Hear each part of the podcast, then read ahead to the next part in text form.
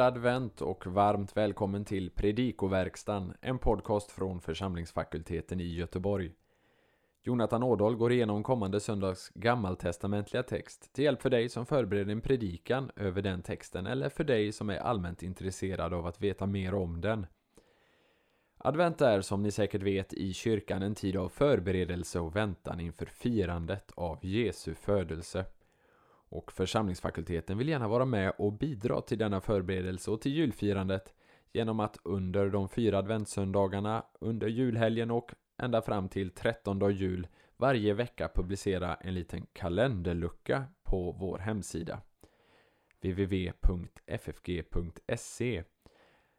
Adventsluckan är i form av ett kort Youtube-klipp där man får en fördjupning i ämnen som rör både advent och jul.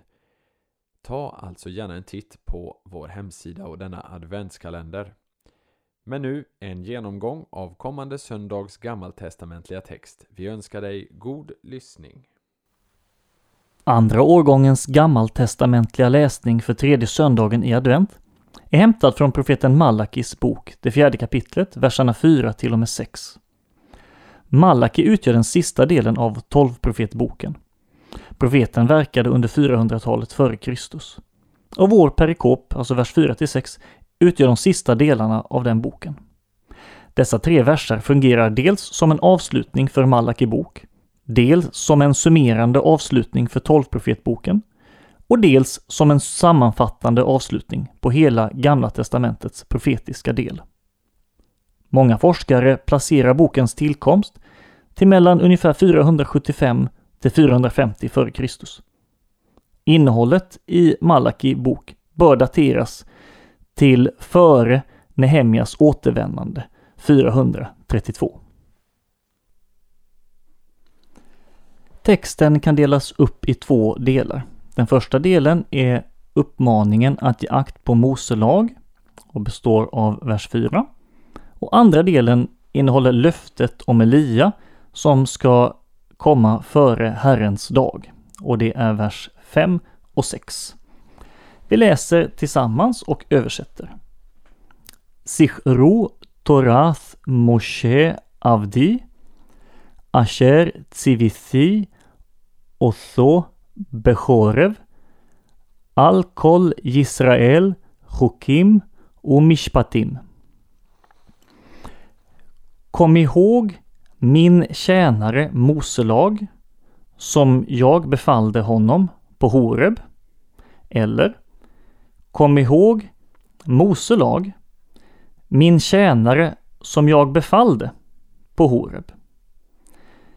Gällande hela Israel, stadgar och domslut. Vers 5. Hine anochi sholeach lachem. Se, jag sänder, eller se, jag står i begrepp att sända till er. Eth Elia, Hanavi. Elia, profeten. Lifne Bo, Jom Adonai. Före Herrens dag kommer. Hagadol The Hanora, den stora och fruktansvärda. Vers 6. The Heshiv Lev Avoth Albanim. Han kommer föra tillbaka, eller han kommer orsaka återvändande av fädernas, eller fäders hjärta till barn, alltså till barnen. Lev Banim al Avosam Och barns hjärta, eller och barnens hjärta, till deras fäder. Pen Avo. The Hikethi Eth Haarets Cherem. Så eller för att jag inte kommer eller ska komma och slå landet med tillspillogivning. Några kommentarer. I vers 4 så inleds den med en imperativ, andra maskulinum plural. Kom ihåg eller minns. Och att minnas betyder här mer än att enbart återkalla ett minne. Att komma ihåg innefattar här också att handla och ta konsekvensen av det som man minns. Det vill säga kom ihåg Mose lag och håll den och följ den. Minns hur Gud räddat sitt folk och frälst det genom frälsningshistorien. Vers 23 inleds med ett hiné som påkallar uppmärksamheten för det näraliggande och det återges ofta med se eller här. I detta fall passar det bra med se. Tillsammans med particip är det ofta fråga om framtid eller närastående framtid. Exempelvis jag står i begrepp att. I vers 23 har vi partikeln lifne som består av prepositionen le plus pene som är konstruktus plural av pana.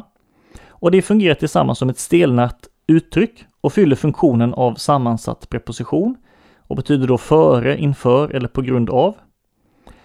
Denna partikel tillsammans med infinitiv konstruktus fungerar som en temporal konjunktion och betyder då före. Och denna partikel just med infinitiv konstruktus det bildar då en konstruktion som fungerar som en temporal bisats, det vill säga före den kommer. I vår text före Herrens dag kommer. Vi har den lite kryptiska formuleringen föra tillbaka fädernas hjärta till barnen och barnens hjärta till deras fäder. Det handlar om att föra dem till ett rätt förhållande till Herren i enlighet med uppenbarelsen Torah, vilket gör att folket får ett rätt förhållningssätt till varandra. Det blir då ett enat folk och inte ett splittrat. Det är alltså omvändelse det handlar om. Vers 24 inleds med en perfekt konsekutiv. Ordet pen är en underordnad konjunktion som inleder en negativ final eller konsekutiv bisats och återges här antingen så att inte eller för att inte. Sista ordet, skärem, översätts ofta med tillspillogivning. Och det betyder att något avskilts från profant eller vanligt bruk, antingen för att nu övergå till kultiskt bruk, eller så har det avskilts till förstörelse. Vi säger något om profeten Malaki och Nya Testamentet. Efter Malaki så uppstår en så kallad profetisk tystnad på över 400 år.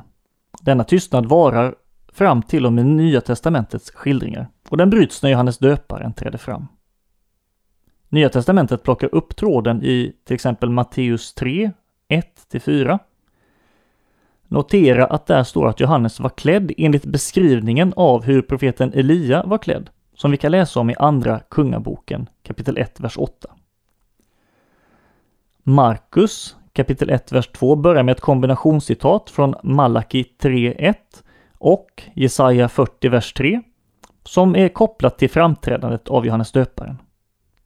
I Lukas 1, 16-17 så berättar ängeln Gabriel för Sakarias om barnet som han och Elisabet ska få.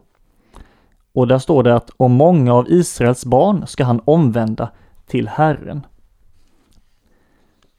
Och det står också att han ska gå framför honom, alltså Herren, i Elias ande och kraft för att vända fädernas hjärtan till barnen och omvända de olydiga till ett rättfärdigt sinnelag och så skaffa Herren ett folk som är berett. Vers 4 i vår text, alltså Malaki 4.4 anspelas det på i Matteus 17.3 där Mose och Elia visar sig på förklaringsberget. Malaki 4 och 5 anspelas det på i Matteus 11.14 där Johannes får eh, frågan om han är den Elia som skulle komma. I Markus 9.11 så står det att de frågade honom varför säger då de skriftlärda att Elia först måste komma? Han sa till dem Elia kommer visserligen först och återupprättar allt. Malaki 4.5 nämns också i Lukas 1.17 som vi precis nämnde. Detta med att han ska gå framför honom i Elias ande och kraft och vända fädernas hjärtan till barnen.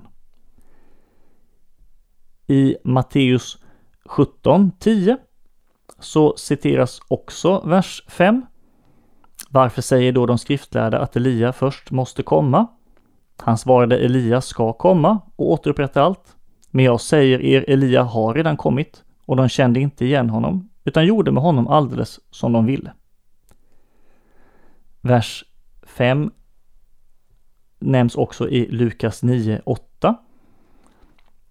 Några påstod nämligen att Johannes hade uppstått från de döda och andra att Elia hade trätt fram och andra någon av de gamla profeterna. Och Malaki 4.6 anspelas det på i Markus 9.12. Han sa till dem, Elia kommer visserligen först och återupprättar allt. I Johannes 1.21 så frågar de Johannes döparen, vad är du då? Är du Elia? Han sa nej, det är jag inte. Och då kan det tyckas som att vi får motstridiga uppgifter.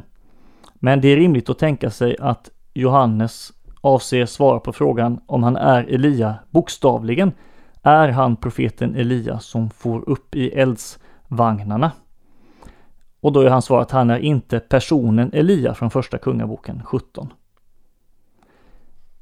Och vi förstod av de andra nytestamentliga texterna där att man förstår där det står att han skulle gå framför honom i Elias ande och kraft.